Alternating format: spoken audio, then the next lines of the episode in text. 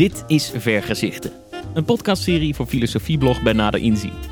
Ik ben Daan En ik ben Jazet. en in de aanloop naar de Tweede Kamerverkiezingen gaan wij op zoek naar idealen in het Nederlandse partijlandschap. Visie is als de olifant die het uitzicht belemmert, zei Mark Rutte ooit. En die uitspraak is misschien wel kenmerkend voor de Nederlandse politiek. Onze politici houden er niet zo van om te filosoferen over waarden en principes en waar die ons naartoe zouden moeten brengen. Liever dan over dat soort ideologische vergezichten praten ze over concrete plannen over zorgstelsels, belastingpercentages en maximumsnelheden. Voor jou als kiezer wordt het er niet gemakkelijker op. Het is nog best lastig om te bepalen wat je vindt van al die concrete plannen als je het grotere plaatje niet kent. Dat grotere plaatje proberen we in deze podcast in beeld te brengen. Elke aflevering staat in het teken van één ideologische familie en twee politieke partijen. In de vorige afleveringen spraken we al met de liberalen en de confessionelen. En in deze aflevering gaan we in gesprek met de socialisten. De gast zijn Ruud Kuin, hoofd van het wetenschappelijk bureau van de SP, en Clara Boonstra, directeur van de Wiardi Beckman Stichting, gelieerd aan de Partij van de Arbeid.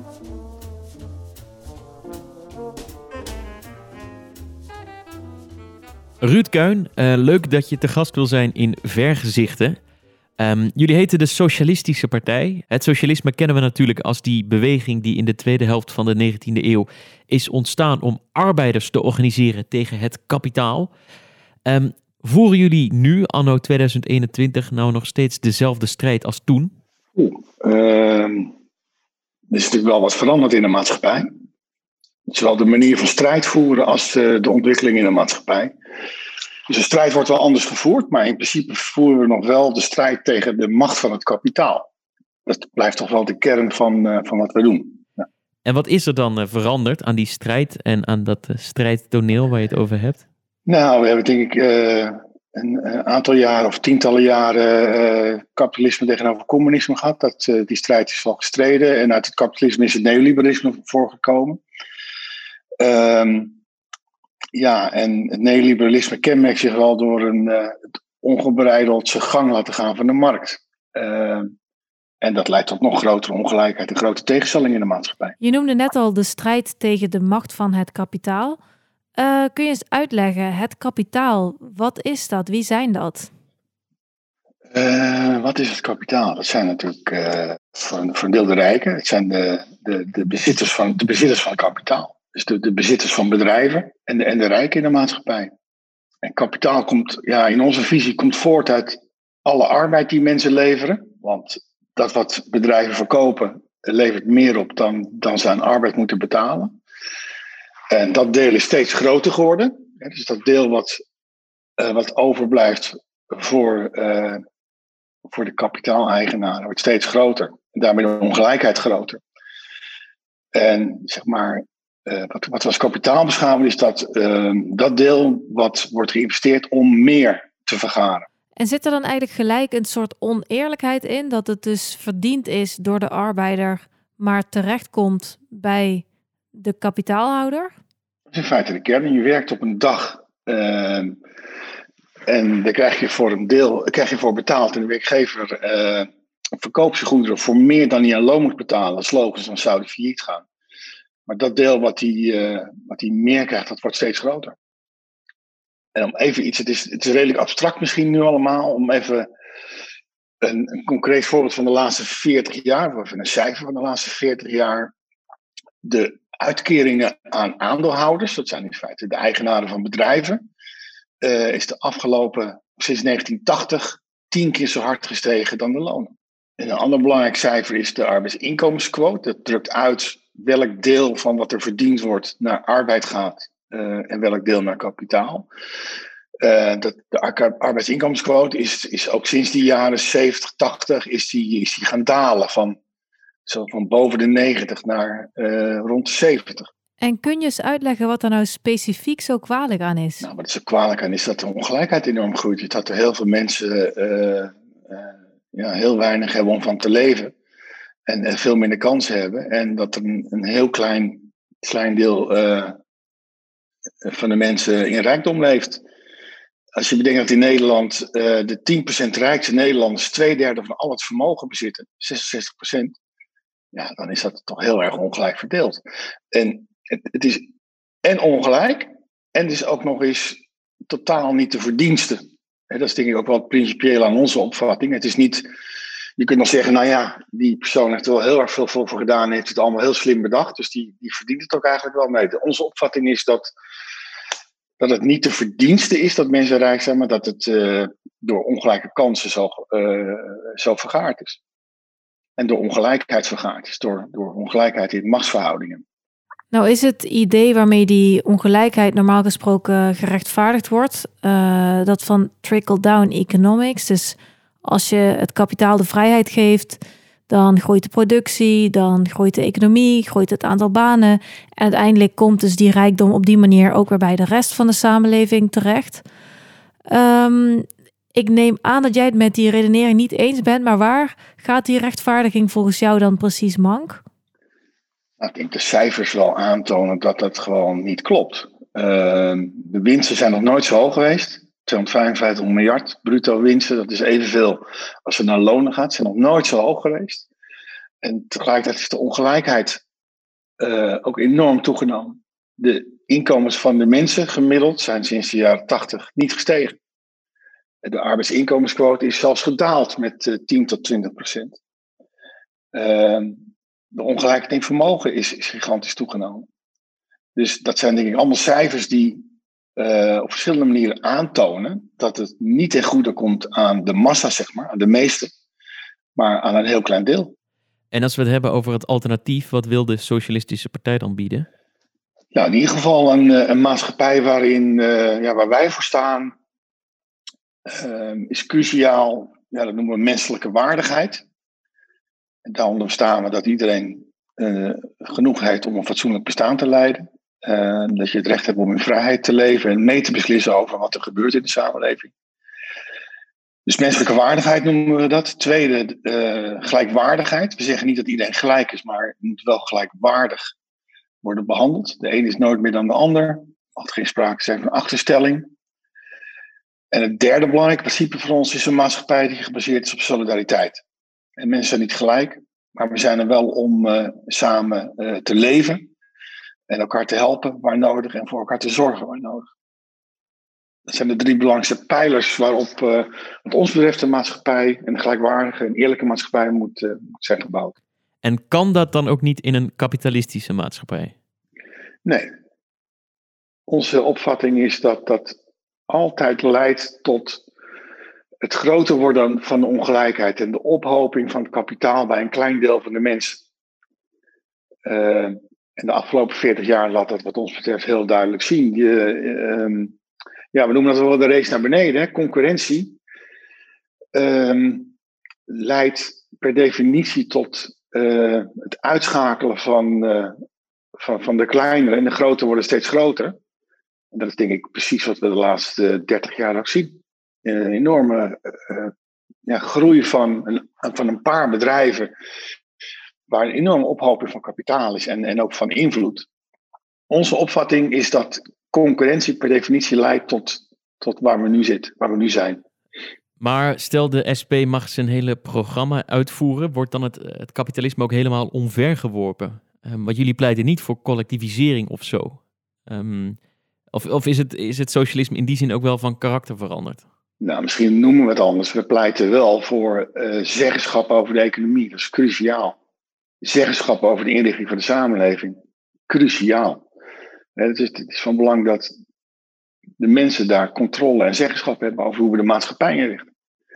Het is belangrijk dat mensen controle hebben en zeggenschap hebben over hoe we de economie inrichten. En zeggenschap hebben over wat er met kapitaal gebeurt. Dat mensen ook profiteren van dat wat ze met z'n allen verdienen. En dat niet een klein deel daarvan profiteert. En dat, uh, we, noemen, noemen, dat misschien minder klassiek dan dat het honderd jaar geleden gebeurde. Maar uh, ik denk dat het in, in, de kern om dezelfde waarde gaat. Nu heeft de staat in het socialisme een interessante rol. Um, socialisme wordt toch vaak geassocieerd met een machtige overheid. Hè? Dus uh, sterke uh, geplande economie, strakke regulering. Wat is voor de SP de rol van de staat? Hoe zien jullie die? Nou, de staat moet er wel zijn voor de mensen. Dus de staat uh, moet zorgen, wat ons betreft, voor een, uh, een goed sociaal vangnet, zeg maar. Waar, wat, waarin mensen terecht kunnen als ze zichzelf niet kunnen redden. Ehm, dat is één belangrijke rol van de staat. Ehm, de staat moet zorgen dat de gelijkheid wordt bevorderd. Dus als je het hebt over de vrijheid van het kapitaal op dit moment, ja, de staat moet dat aan banden leggen. Dus daar is wel een rol voor de staat weggelegd. En dat, dat moet door middel van regelgeving en belasting. Dat de staat alles moet oplossen en dat de staat voor alle werkgelegenheid moet zorgen, dat is denk ik een karikatuur. Dat is al lang niet meer zo. Dat is niet meer onze opvatting. Maar de staat moet wel reguleren als het gaat om belastingen, als het gaat om zorgen voor elkaar, als het gaat om regelgeving. Ehm, ja, en de staat moet wat ons betreft regelen dat de mensen zeggenschap hebben over de ordening van de samenleving. Uiteindelijk moet de zeggenschap worden vergroot van de mensen. Dus jij brengt het socialisme in verband met uh, zeggenschap van onderop eigenlijk. En tegelijkertijd zijn er ook veel mensen die het socialisme juist heel erg associëren met uh, repressie van bovenaf. En dan verwijzen ze naar uh, het socialistische experiment zoals dat is uitgevoerd in Latijns-Amerika, de Sovjet-Unie, China. Um, wat zeg je tegen mensen die, die zeggen, nou we hebben toch eigenlijk daar gezien dat het alleen maar tot, uh, tot repressie en uh, tot, uh, tot zelfs dodelijke slachtoffers leidt? Nou, ik zou die mensen willen vragen ons beginselprogramma te lezen uit 1998. Dat heet Heel de Mens. Dat begint met een analyse in een notendop over hoe we daar tegenaan kijken. En wij denken ook wel dat dat mislukt is, dat socialistische experiment. En als het beeld nog is dat, dat wij voor, dat socialisme voorstaan met alles van bovenaf en alle werkgelegenheid ook gereguleerd vanuit de overheid? Nee, dat is niet het socialisme dat wij voorstaan. Wij staan een socialisme voor waarbij echt de zeggenschap van de mensen op alle niveaus is geregeld. Democratisering van de economie, democratisering van de samenleving. Uh, uh, ja, ik denk dat al twee hele duidelijke voorbeelden zijn. de zeggenschap, het vetorecht in, in grote bedrijven. En het voorstel van de SP om een collectief referendum in te gaan voeren in Nederland. Nou, dat is een begin. Wat ons betreft komt er ook een uh, referendum dat mensen initiatiefrecht geeft. Dus op alle fronten het vergroten van de zeggenschap en de invloed van mensen op hoe we de samenleving inrichten, zowel economisch als, uh, als, als buiten de economie. In deze aflevering komt naast de SP ook uh, de PvdA aan bod. Een partij die ook uit de socialistische traditie komt. Um, en jullie hebben toch wel hele andere standpunten ook. Um, Gaat, gaat dat nou terug op een ideeënverschil tussen de SP en de PvdA? Of is dat puur een verschil in interpretatie van het, van het socialistische ideaal? Ja, goede vraag. Ik, ik ja, maar ik, ik denk dat uh, voor alle linkse partijen geldt dat als je aan ze hun allemaal vraagt wat is aan de kern waar je voor staat, dat dat niet zoveel zal verschillen. Ik denk dat de verschillen zitten in de analyse van de maatschappij nu en uh, de strategie hoe je komt tot een betere maatschappij. Dus dat is, dat is, is dat is wat ik denk waar de verschillen vooral binnen de linkse partijen zitten. Als je kijkt naar PvdA en de SP, ja, dan heeft de PvdA, even los van hun beginselprogramma, uh, de afgelopen 40 jaar toch wel laten zien. Uh, en zeker in de jaren 90, dat is een mooi boek over zeker in de jaren 90 zijn ze toch, toch mede verantwoordelijk voor uh, ja, een stevige introductie van het neoliberalisme in Nederland. En ze, zijn daar, ze liepen daarbij zelfs voor op uh, als je het vergelijkt met andere Europese landen. En dat werd dan ja, neergezet als de derde weg. En de derde weg is, is uh, ja, toch zeg maar een, uh, kapitalisme. zo werd het ook wel verwoord door, door Blair en Clinton, maar ook de Kok. waarbij het kapitalisme de markt zijn gang kan gaan. En alleen voor de mensen die, die buiten de boot vallen een soort voorziening werd getroffen in uiterste nood. Ja, dat is toch wel fundamenteel iets anders wat wij voor staan.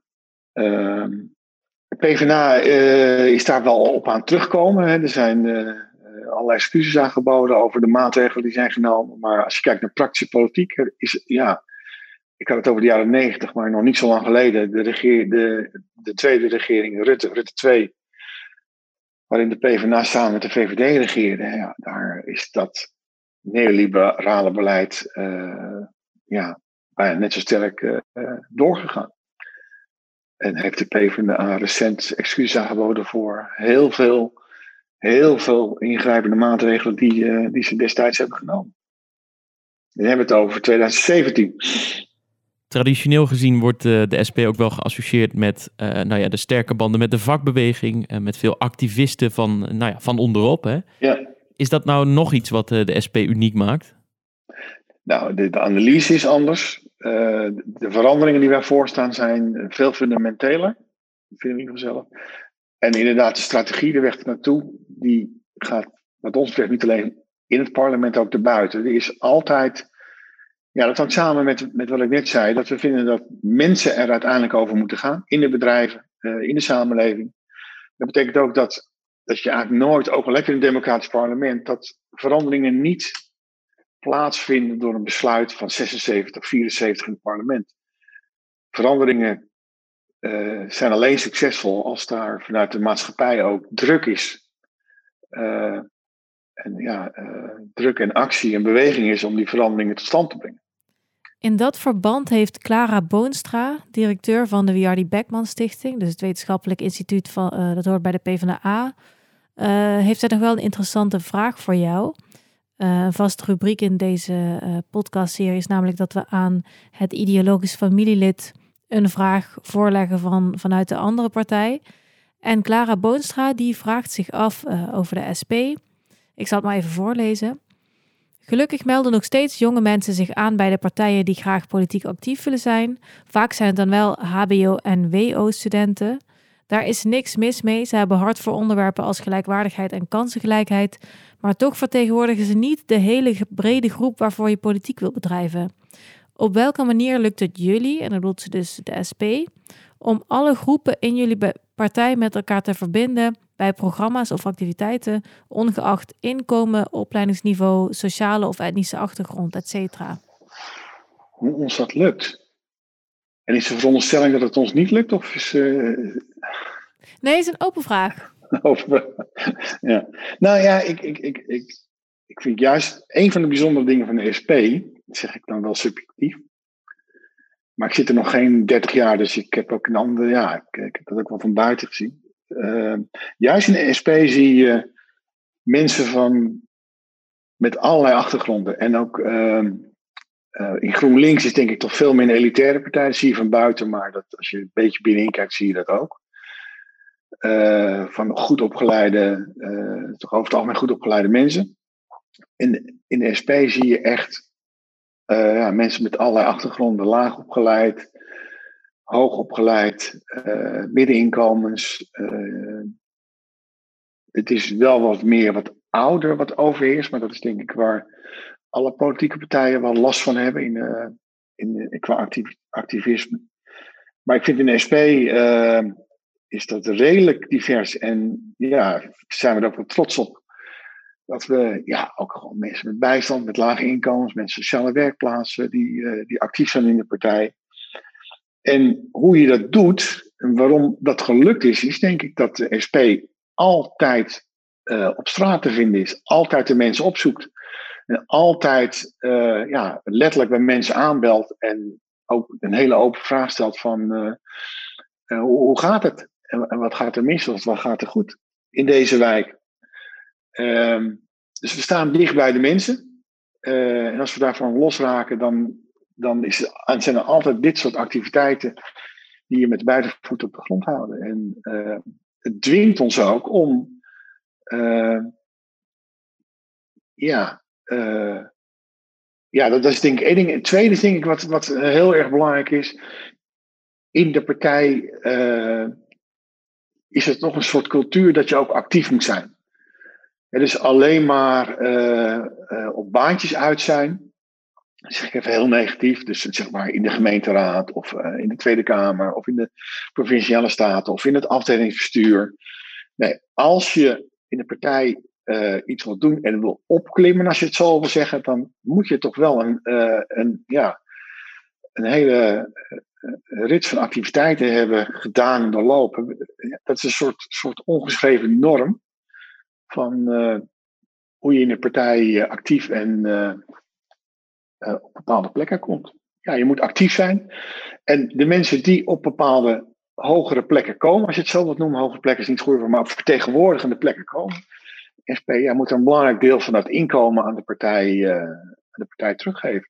De afdrachtsregeling. Dus ook die, in die zin, uh, daarmee drukken we uit, zijn ze niks meer dan andere mensen die actief zijn voor de SP in de maatschappij. zo is het ook ontstaan. Hè? In, toen de SP nog klein was en nog niet aan verkiezingen meedeed, ehm, ja, toen, toen waren ze actief, waren de SP's actief in buurten.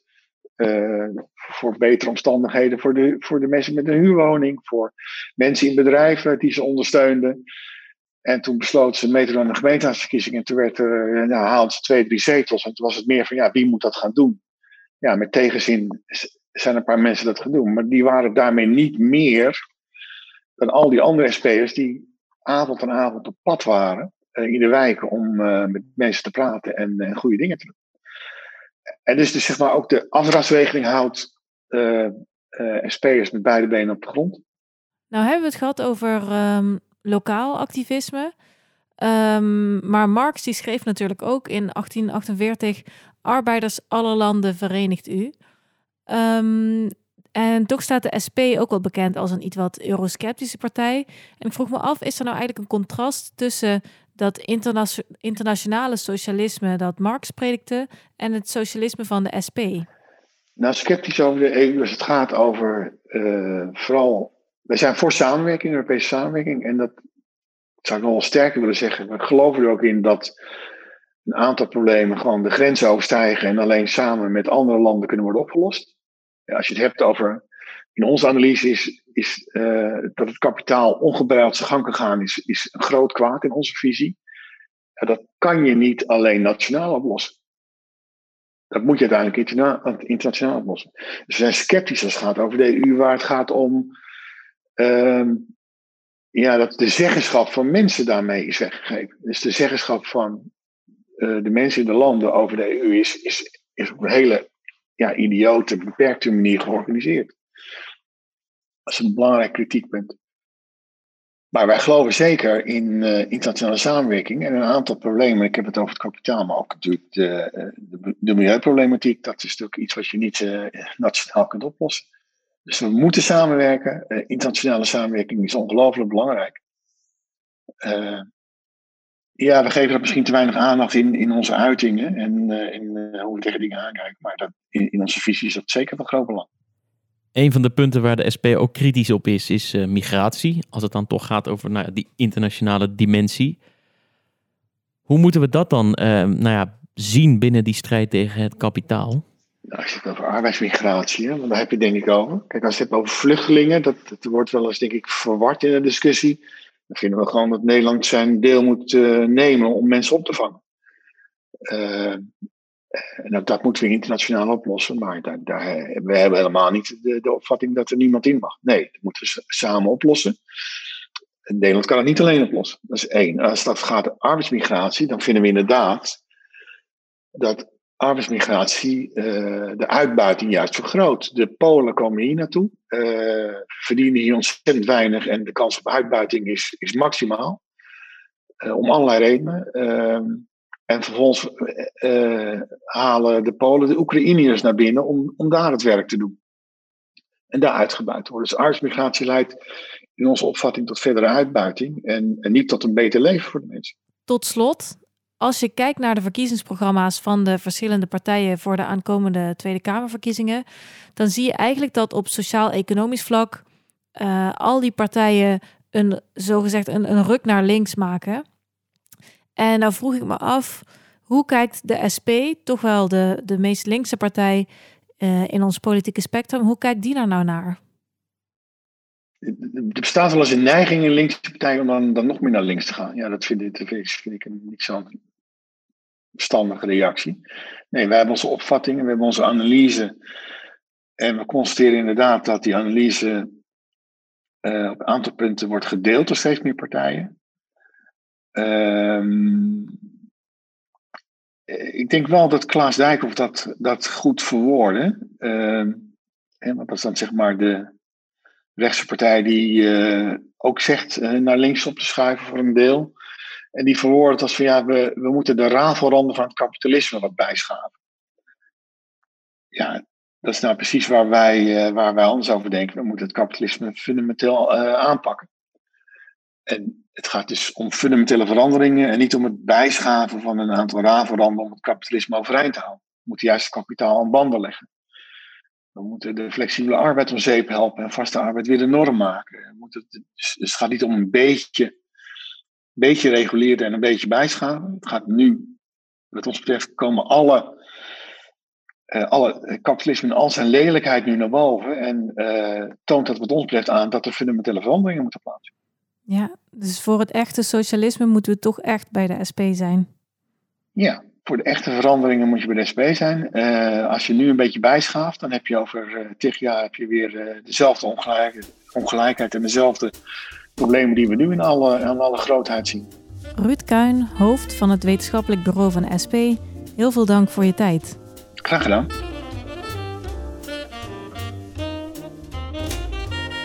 Je luistert naar Vergezichten, de podcast over idealen in het Nederlandse partijlandschap. Je hoorde net Ruud Kuin van de Socialistische Partij. En nu gaan we verder met Clara Boonstra. Zij is directeur van de Wiardi Beckman Stichting, het wetenschappelijk bureau dat is gelieerd aan de Partij van de Arbeid.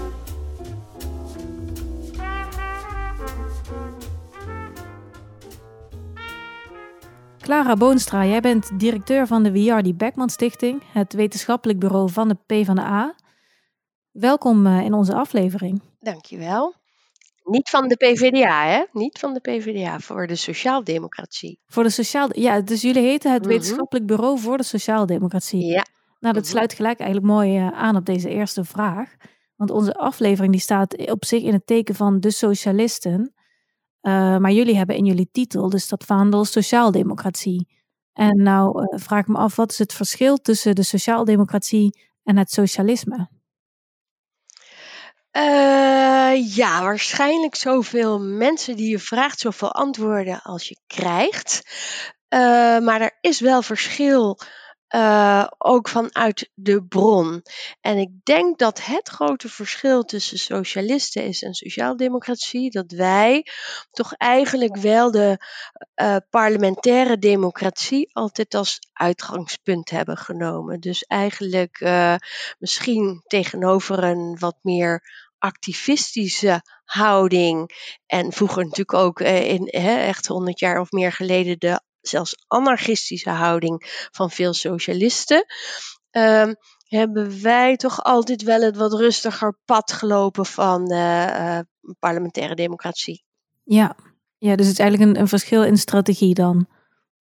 Ja, en daarmee ook in cultuur. Hè? Want als je, uh, het heeft gelijk gevolgen natuurlijk voor hoe je je opstelt ten opzichte van ja, anderen of andere stromingen. Een van de begrippen die je vaak hoort terugkomen in het uh, sociaal-democratische gedachtegoed is emancipatie. Wat is emancipatie volgens jou um, en welke plek neemt dat in uh, binnen de Partij van de Arbeid? Uh, emancipatie is dat je niet um, opgesloten wordt in. Um, zeg maar, ja, categorieën of klassen of kleuren of wat dan ook, wat je bij je geboorte is uh, toebedeeld, maar dat je in staat wordt gesteld uh, om je te ontplooien tot uh, iets of iemand wat het beste bij jou past. Nu heten jullie de Partij van de Arbeid. Mm -hmm. um, dus het is nou ja, logisch dat de, de, arbeider was oorspronkelijk degene die dan geëmancipeerd moest worden. Maar um, zouden we kunnen zeggen dat daar dan nu meerdere groepen bij zijn gekomen? Ja, ja, zeker. Ik denk dat dat eerlijk gezegd geen, uh, geen uh, grenzen heeft. Geen, uh, hè, dat dat altijd het oogmerk zal zijn voor iedereen die die ontplooiing kan gebruiken. Dus iedereen die wordt opgesloten in ja, de identiteit die hij bij zijn geboorte heeft gekregen. en eigenlijk anders wil, of dat nou individueel is, maar natuurlijk veel vaker collectief, die. Um, moet uh, in onze stroming die kans krijgen. Dus dat was, je noemt het de arbeider, dat is natuurlijk interessant, want dat is de werknemer geworden. Nou, daar geldt het nog steeds. Maar het geldt natuurlijk ook tegenwoordig voor uh, bijvoorbeeld de migrant, als je dat een categorie kunt noemen. Het heeft natuurlijk heel sterk uh, gespeeld voor vrouwen eigenlijk onafhankelijk van of dat op de arbeidsmarkt was, maar ook gewoon in hun uh, privéleven. Uh, dus eigenlijk dient die uh, die emancipatiebehoefte, maar ook die drive in onze partij en in onze beweging zich constant weer voor nieuwe groepen aan. Nou wordt emancipatie in de filosofie wel in verband gebracht met zowel vrijheid als gelijkheid. Uh, dus je zou kunnen zeggen, uh, emancipatie is een soort van strijd voor gelijkheid. Of je zou kunnen zeggen, die zelfontplooiing die in emancipatie zit, dat is een, een vorm van vrijheid. Um, zijn vrijheid en gelijkheid ook begrippen die bij de PvdA centraal staan als het op die emancipatie mhm. aankomt? Uh, nou ja, uiteraard in onze samenleving gelukkig wel. Uh, maar dat zal ik uitleggen. Want um, vrijheid kun je eigenlijk pas uh, voelen als er in bepaalde basisbehoeften wordt voorzien. En hè, als je arm bent en als je geen eten hebt en nou ja, allemaal als je in ellendige omstandigheden uh, bent, dan kun je niet een vrij mens zijn, want dan ben je te veel met andere dingen bezig. Dus um, wij denken dat, uh, die, dat dat een voorwaarde is voor gelijkheid. Dus bij ons, uh, natuurlijk is vrijheid een groot goed. maar daar moeten bepaalde condities voor zijn nagekomen. Nou vinden we die waarde van vrijheid en gelijkheid natuurlijk ook bij de liberalen. Maar wat is dan het verschil tussen hoe liberalen die waarden zien en hoe socialisten naar vrijheid en gelijkheid kijken? In onze Nederlandse situatie is vrijheid natuurlijk voor, voor iedereen een even groot goed. Maar ik denk wel dat het zo is dat in, bij socialisten en sociaaldemocraten uh, eigenlijk die vrijheid uh, niet individueel kan worden uh, genoten. Waar dat bij liberalen wel zo is. Dat is natuurlijk echt heel individualistisch. Uh, wij zijn eigenlijk pas blij als dat niet alleen voor ons individueel geldt. Uh, maar als dat ook voor het collectief geldt. Dus een socialist of een sociaaldemocraat, die zal niet zo snel zeggen: Ik heb het over abstracties hoor. Maar wat kan ik nou lekker vrij gaan uh, zitten wezen als, als hij ziet dat andere mensen niet op dezelfde manier daarvan uh, kunnen genieten. En als we nou eens inzoomen op die gelijkheid. Um, in de politieke filosofie is dan een klassieke vraag: gelijkheid van wat? Gaat het om gelijkheid van welzijn, gelijkheid van kansen, gelijkheid van middelen? Wat zou de P van de A daarop antwoorden? Eigenlijk kiezen wij, dan ga ik even naar het juridische. Ik ben zelf een jurist, dus ik ben daar wat met dat begrippenkader wat, wat meer thuis. Daar ben ik wat meer in thuis. Wij onderscheiden eigenlijk materiële gelijkheid en formele gelijkheid. En bij formele gelijkheid, dan zeg je nou, uh, iedereen uh, dezelfde uh, startpositie. Uh, en daar uh, voorziet dan ook vaak uh, de gemeenschappen of de overheid in. Maar iedereen krijgt hetzelfde. En dan vervolgens moeten ze zeg maar ontplooien. Maar er is geen enkele reden om aan te nemen dat ze op hetzelfde uitgangspunt uit zullen komen. Het gelijkheidsbegrip dat wij hanteren, dat is het materiële gelijkheidsbegrip. Dat gaat er eigenlijk van uit dat alle mensen verschillend zijn in hun basis, in hun startpunt. En dat je dus eigenlijk moet compenseren we noemen dat ook ongelijkheidscompensatie, voor die verschillen. En dat je dus wat, wat je mensen moet aanbieden om uh, zich te kunnen ontplooien en uh, als, uh, om een fijn leven te kunnen leiden, dat dat waarschijnlijk wel heel verschillend moet zijn. Omdat je die ongelijkheden al bij die startpositie moet proberen ehm, te vereffenen. Dus eigenlijk om gelijkheid te bereiken, heb je soms juist ongelijke behandeling nodig. Absoluut, absoluut, ja. We hadden het er net al even over. Eh, de Partij van de Arbeid is begonnen als een partij voor de arbeider. Um, nou, die historische ontwikkeling, daar hebben we het voor over gehad. Mm -hmm. maar toch lijkt uh, in jullie gedachtegoed ook voor arbeid een rol te zijn weggelegd als het gaat om de invulling van het goede leven. Um, mm -hmm. Arbeid, werk, dat zijn toch dingen die jullie iedereen lijken te gunnen. Um, dat zie je ook wel in jullie programma terug. jullie pleiten voor een basisbaan. Als we dat contrasteren met GroenLinks bijvoorbeeld, dan gaat het mhm. over een basiskapitaal. 10.000 euro voor elke jongere. Bij jullie is dat een basisbaan. Mhm. Is uh, werken nou inderdaad iets wat hoort bij nou ja, goed leven en, en waarom is dat? Ja, zeker. En dan moet het natuurlijk wel om goed werk gaan. Hè? En dat betekent werk wat uh, kwalitatief goed is, hè, waar je niet door beschadigd wordt en waar je een aardig loon mee verdient. En ook als je risico's uh, optreden in je leven, ziekte of, of uh, werkloosheid of, of de oude dagsvoorziening, dat je ook goed voor jezelf en je familie kunt zorgen. Dus het heeft een bepaalde ja, hoe noem je dat, de voorwaarden waaraan moet worden voldaan. Dat is natuurlijk ook van oudsher de strijd altijd geweest. Van waaruit de, uh, wat jij zo mooi noemt, die oude arbeider zich ontplooit. Uh, en wij denken dat dat ook de beste manier is in onze samenleving om dat te blijven doen. Want hoewel uh, de uh, verhouding arbeid-kapitaal behoorlijk uit het lood is hoor. Want je ziet natuurlijk als je bijvoorbeeld naar belasting kijkt.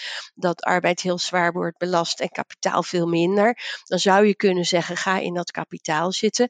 Maar wij denken dat uh, arbeid veel meer is dan een bron van inkomsten.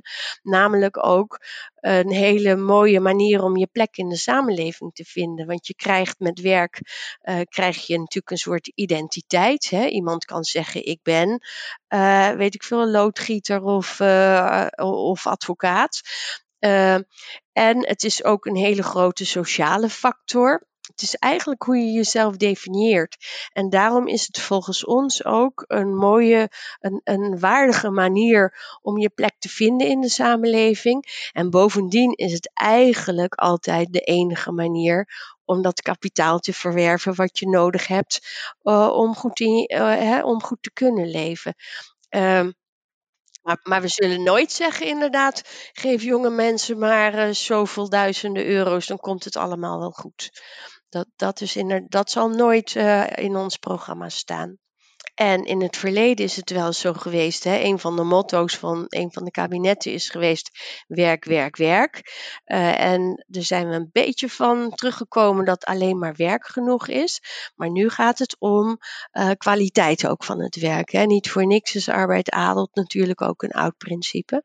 En ja, dat, dat, dat is voor ons de beste manier om voor iedereen een goede plek in de samenleving te vinden. Nu heet deze podcast Vergezichten en een vraag die we eigenlijk aan iedereen voorleggen is, nou ja, hoe ziet een wereld eruit waarin de waarden van de partij, in dit geval de Partij van de Arbeid eh, of van de Sociaaldemocratie zouden we ook kunnen zeggen, eh, waarin die perfect gerealiseerd zijn? En kun je überhaupt zo'n wereld eh, voorstellen? Ja, die kan ik me wel heel goed voorstellen. Ook omdat, uh, nou, wereld is een groot woord, hè. Dus, uh, maar een, een land, hè, laten we het dan daar even bij houden. Ja, ons eigen land, waar we ook wat over te zeggen hebben. Ik ben in heel veel landen geweest, ook wel lesgegeven, uh, waar, dat, waar het ontzettend anders was. Ehm, ik denk dat ik me dan een wereld, een land voorstel waar, waar we het net over hadden, hè, waarin mensen uh, dat kunnen worden waar ze het best in hun talenten in kunnen ontplooien. Uh, en dat maakt me dan eigenlijk niet uit op welk gebied dat is. Uh, hè, als je de beroepskeuzegids van Elsevier, ik weet niet of die nog steeds uh, bestaat, maar er staan ontzettend veel beroepen in met even zoveel opleidingsmogelijkheden van allerlei praktische en theoretische niveaus. Het zou mijn liefding waard zijn als mensen daar uit kunnen kiezen en dan dat vinden wat ze ook, wat hen, wat past bij hun, talenten. Um, en uh, daar hoort wat mij betreft dan ook wel een gelijkmatige inkomensverdeling bij. Dus waar je nu ziet dat, nou ja, wat betreft de inkomens gaat dat misschien eigenlijk nog wel. Hè? Eh, als we het hebben over met werk je geld verdienen, dan is, er nog een zekere gelijkmatigheid in. Maar de samenleving, maar dan hebben we het meer over vermogens, wordt toch wel veel meer uh, ja, het lijkt wel een beetje vanuit het midden naar de uiterste te gaan. En uh, dat eigenlijk uh, de middenklasse wat onder druk staat. En uh, steeds meer rijke en steeds meer arme mensen komen. Dat vind ik toch wel heel onheilspellend. En dat, dat zou in mijn betere samenleving niet thuis horen. Dus wat dat betreft is het misschien nog niet zo ver, maar maken we een beweging door die ik verontrustend vind.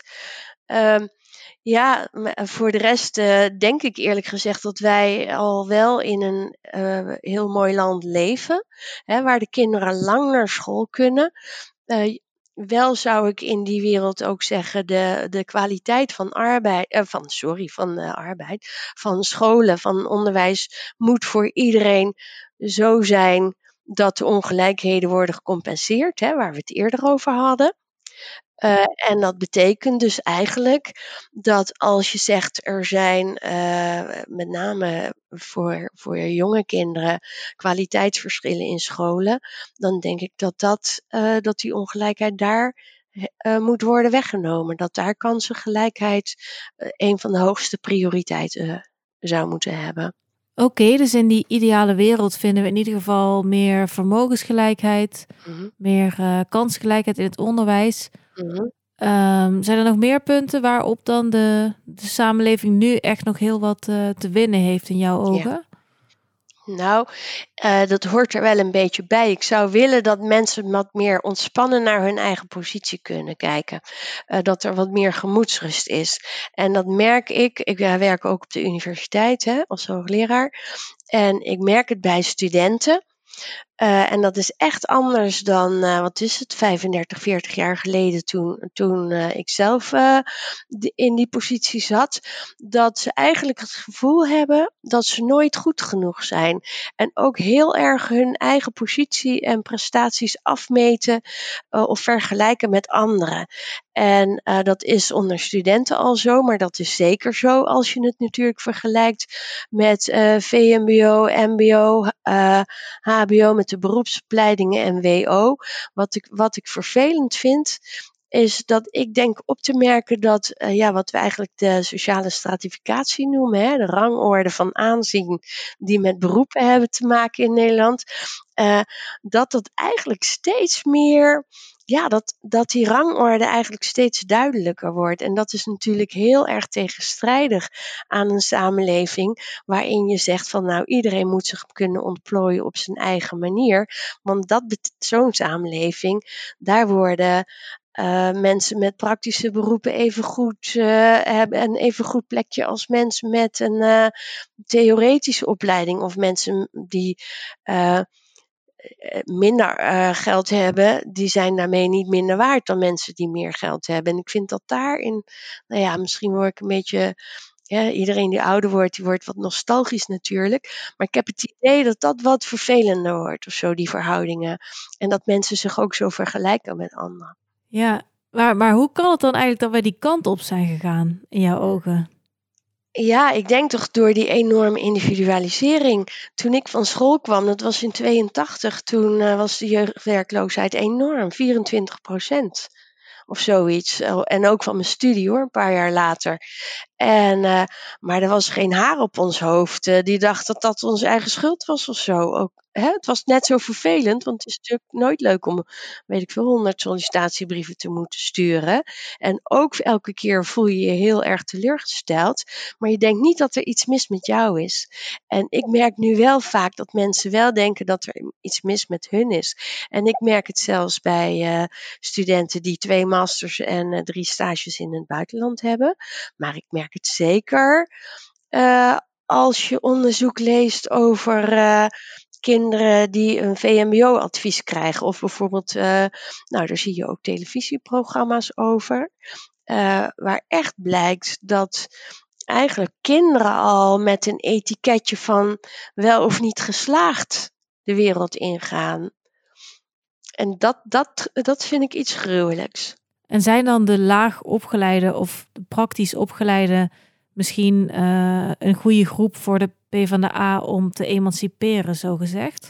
Permanent. Dat is altijd het geval geweest. En dat is ook eigenlijk wel uh, ons succes geweest in de jaren, nou ja, zeg maar tot, tot de tachtiger jaren. Terwijl daarna ook successen zijn gevierd hoor.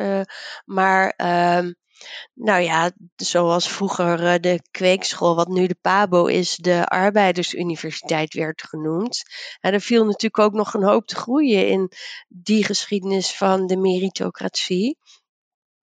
Uh, want heel veel mensen uh, ja, die, die, die kregen niet de toegang, hè, terwijl ze natuurlijk wel de capaciteiten hadden, die kregen niet de toegang tot, tot theoretische opleidingen. Ja, we hebben het over emancipatie gehad. Ook over de rol van ontplooiing die daarbij komt kijken en de vrijheid die daarmee gepaard gaat. Als we het nou hebben over die weg naar vrijheid, hè, als het wel, zoals het wel eens genoemd wordt in, in sociaal-democratisch jargon.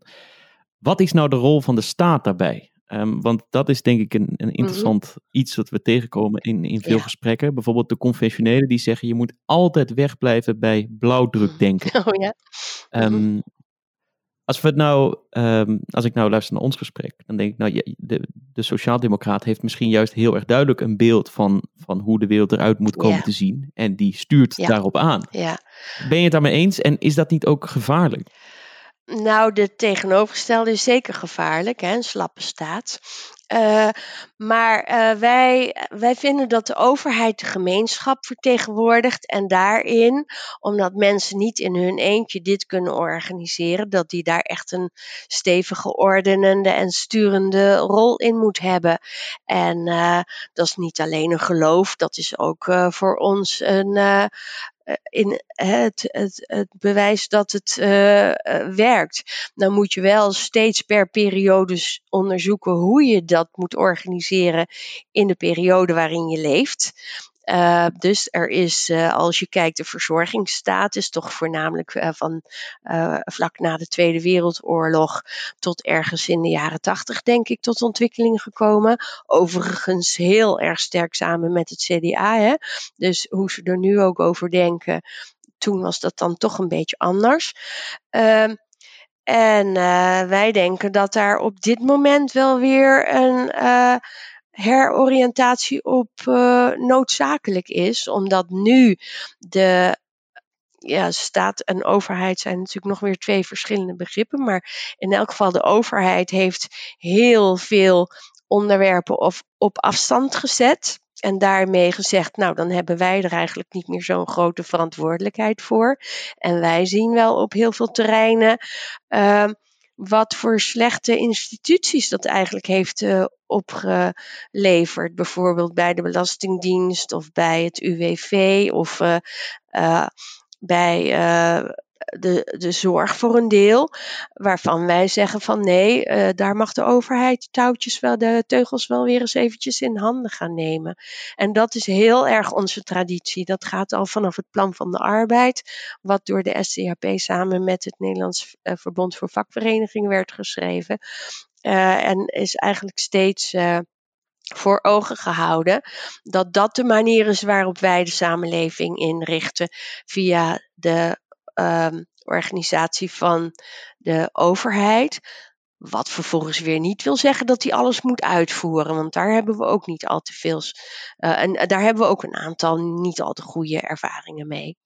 In ons gesprek met uh, Ruud Kuin kwam wel ook al naar voren dat de Partij van de Arbeid, uh, nou ja, toch wel ook medeplichtig is aan het uitkleden van die verzorgingsstaat. Um, in ieder geval sinds de jaren negentig. Um, kunnen we zeggen dat jullie een koerswijziging hebben gemaakt en dat jullie nu terugkomen op het, op het beleid van de, van de afgelopen decennia? Nou, decennia is, is erg lang. En uh, nou ja, in de negentiger jaren, als je het zo wilt noemen, dat was de tijd van de MDW uh, operatie. Ik weet niet of jullie die uh, term iets zeggen. Dat is marktwerking, deregulering. En de W stond dan voor wetgevingskwaliteit. Heel eufemistisch eigenlijk, want het stond ook voor veel minder wetgeving. Uh, marktwerking en deregulering. Um, voor zover dat al uit onze hoek kwam hoor. Maar um, dat is misschien te weinig bestreden hier en daar. Daar komen we zeker van terug. Ja, dat is wel duidelijk. Uh, en nou heeft de PvdA nu in de aanloop naar de komende verkiezingen gezegd... Uh, zonder GroenLinks of de SP gaan wij geen kabinet in. Mm Um, nou zitten jullie in deze aflevering gewijd aan de socialisten samen met uh, de Socialistische Partij mm in één aflevering. Maar uh, je ziet bij de kieswijzer, als die door de PvdA en door GroenLinks wordt ingevuld de afgelopen verkiezingen, dan komt daar eigenlijk bijna hetzelfde resultaat uit. Mm um, met welke partij voelen jullie je nou meer verwant uiteindelijk? Dat, dat ging trouwens over de Europese verkiezingen. Hè? Dat, dat, Ja, dat is waar. zo dat waar. overeenkwam, had daar wel heel sterk mee te maken. Ehm, ja, dat is een hele interessante vraag. Want dat heeft te maken met. Ik denk dat dat te maken heeft met cultuur en traditie en achterban. Eh, en als je. Kijk, we hebben, we hebben alle drie wel een beetje een verschillende cultuur. Ehm, als je zegt, ik ben, ik ben ik zit in deze kant van de samenleving, zeg maar aan de linkerkant van de samenleving. Dan kun je een paar keuzes maken. Je kan zeggen van nou, we willen gelijkheid. Dus per definitie vinden we daar waar het het ongelijkst is, en dat zijn dan toch de mensen die het moeilijk hebben in de samenleving, daar moet al onze focus op uh, liggen. En dan zou je zeggen dat je je eigenlijk het meeste thuis voelt bij uh, de SP. Hè? Want dat, dat, uh, ik vind dat zij dat in, tot in hun hun vezels vertegenwoordigen, dat daar uh, hun uh, solidariteit het sterkste geldt. Je kan ook zeggen, nou, we willen eigenlijk de, de, de kampioenen van de progressieven zijn. We zijn heel vooruitstrevend. En wij kijken ook naar de samenleving. We hebben het nog helemaal niet over duurzaam gehad, maar als je dat er ook wat bij pakt, uh, dan kijken we naar waar je over een aantal jaren wilt staan. En uh, ja, dan moet iedereen daarin mee. En dan kunnen we ons niet te veel bekommeren over uh, die, de, recht, uh, de, de, de lastenkant daarvan. Uh, en dan zou je zeggen, dan sta je wat meer bij GroenLinks. En dat is ook een mooie beweging die bij ons hoort. Want dan kan je zeggen, nou, er wordt niet meer auto gereden en uh, vlees eten is er ook niet meer bij, vliegen wat dan ook. En dan maak je grote sprongen. Um, maar je kan ook zeggen van ja, daar kan toch niet iedereen in mee.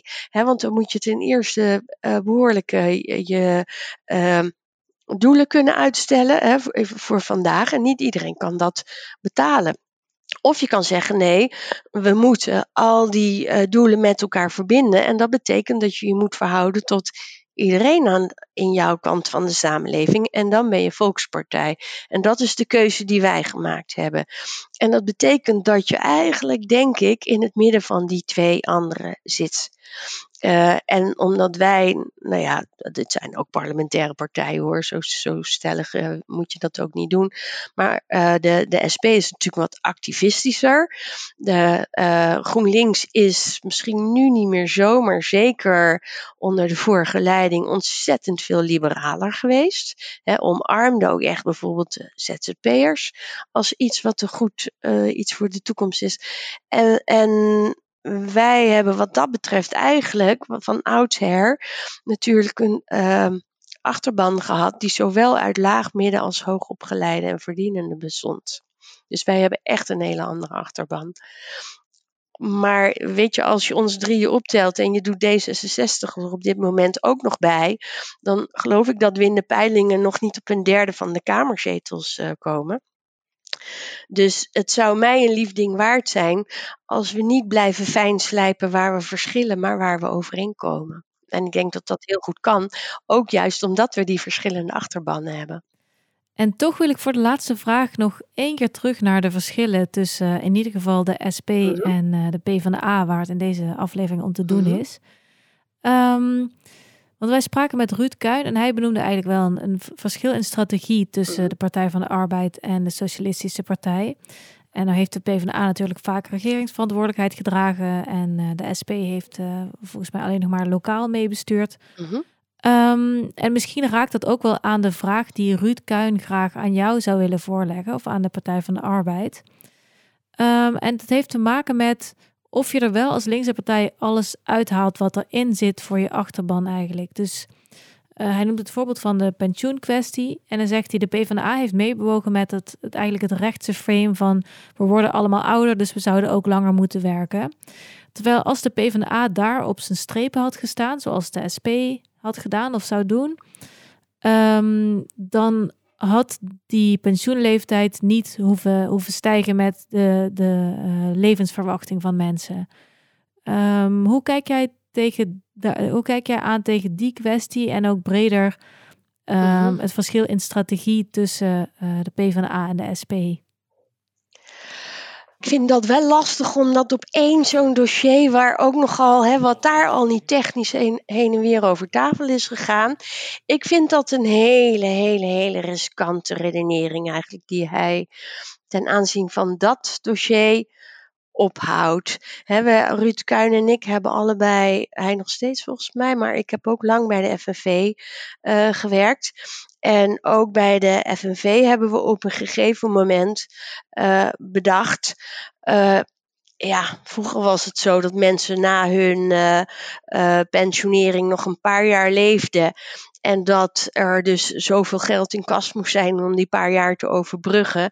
Ja, daar is toch echt wel heel erg veel in veranderd. En um, hè, dat zit hem in dat technische verhaal.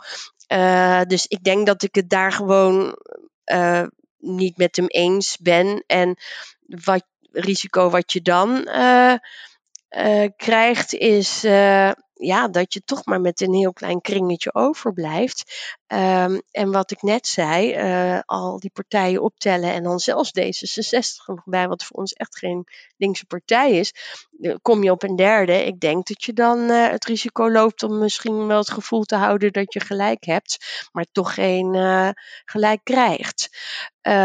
maar hij heeft in de bredere zin natuurlijk wel gelijk als hij zegt: ja, die Partij van de Arbeid, dat is een partij die in regeringen stapt.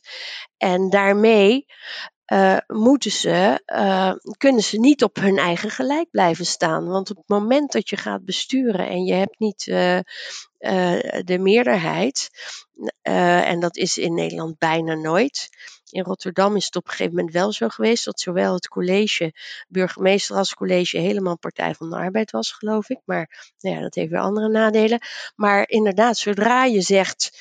Uh, ik wil meebesturen, betekent dat ook dat jouw manier van politiek bedrijven uh, niet bestaat uit uh, vooral opvattingen hebben en via een, bijvoorbeeld alleen via actie of die opvattingen over het voetlicht brengen proberen je gelijk te krijgen, maar proberen met anderen compromissen te sluiten. Uh, en inderdaad, het is bijna per definitie iets anders dan je eigen gelijk halen. Maar de manier waarop je effectief kunt zijn voor degene uh, wie je wilt vertegenwoordigen, ja, dan denk ik inderdaad dat uh, niet altijd, hè, de laatste keer natuurlijk niet. Hè, dan ga je uh, met de huidige regering, dan ga je niet aan tafel zitten, want dan denk je, ja, nou valt er niks meer te halen. Maar onze basishouding zal altijd zijn: we willen weliswaar een ideologisch en waardegedreven politiek, maar we zullen altijd die proberen te bereiken door maximale inzet met anderen en dan moet dat maar via een compromis. Ja, en dan zijn we dus eigenlijk weer terug bij waar we het helemaal in het ja. begin over hadden. Ja, waar we in verschillen. Ja, ja. En uh, ja, GroenLinks heeft dat natuurlijk in deze constellatie, zoals waar ze nu uitzien, ook nog nooit uh, gedaan. Ik denk dat dat spannend is. Kijk, wij weten wat voor knallen je kan krijgen als je het risico wel neemt. Hè? Dus dat is ook zo, dat is ook eng als je uh, in, een, uh, in een minderheidspositie zit.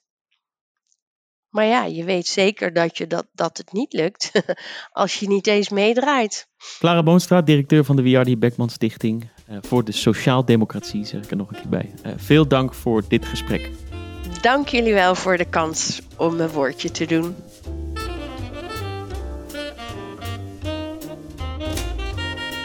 Dit was de derde aflevering van Vergezichten, de podcastserie over de verschillende filosofieën achter de politieke partijen van ons land. Wil je reageren op deze aflevering? Ga dan naar www.bijnaderinzien.com, zoek de blogpost bij deze aflevering en laat je reactie achter. Volgende week is de laatste aflevering van Vergezichten. Die staat in het teken van de Groenen en dan spreken we met GroenLinks en Partij voor de Dieren. Vergezichten is een productie van Josette Dame en mijzelf, Daan Musters, voor filosofieblog Bij Nader Inzien.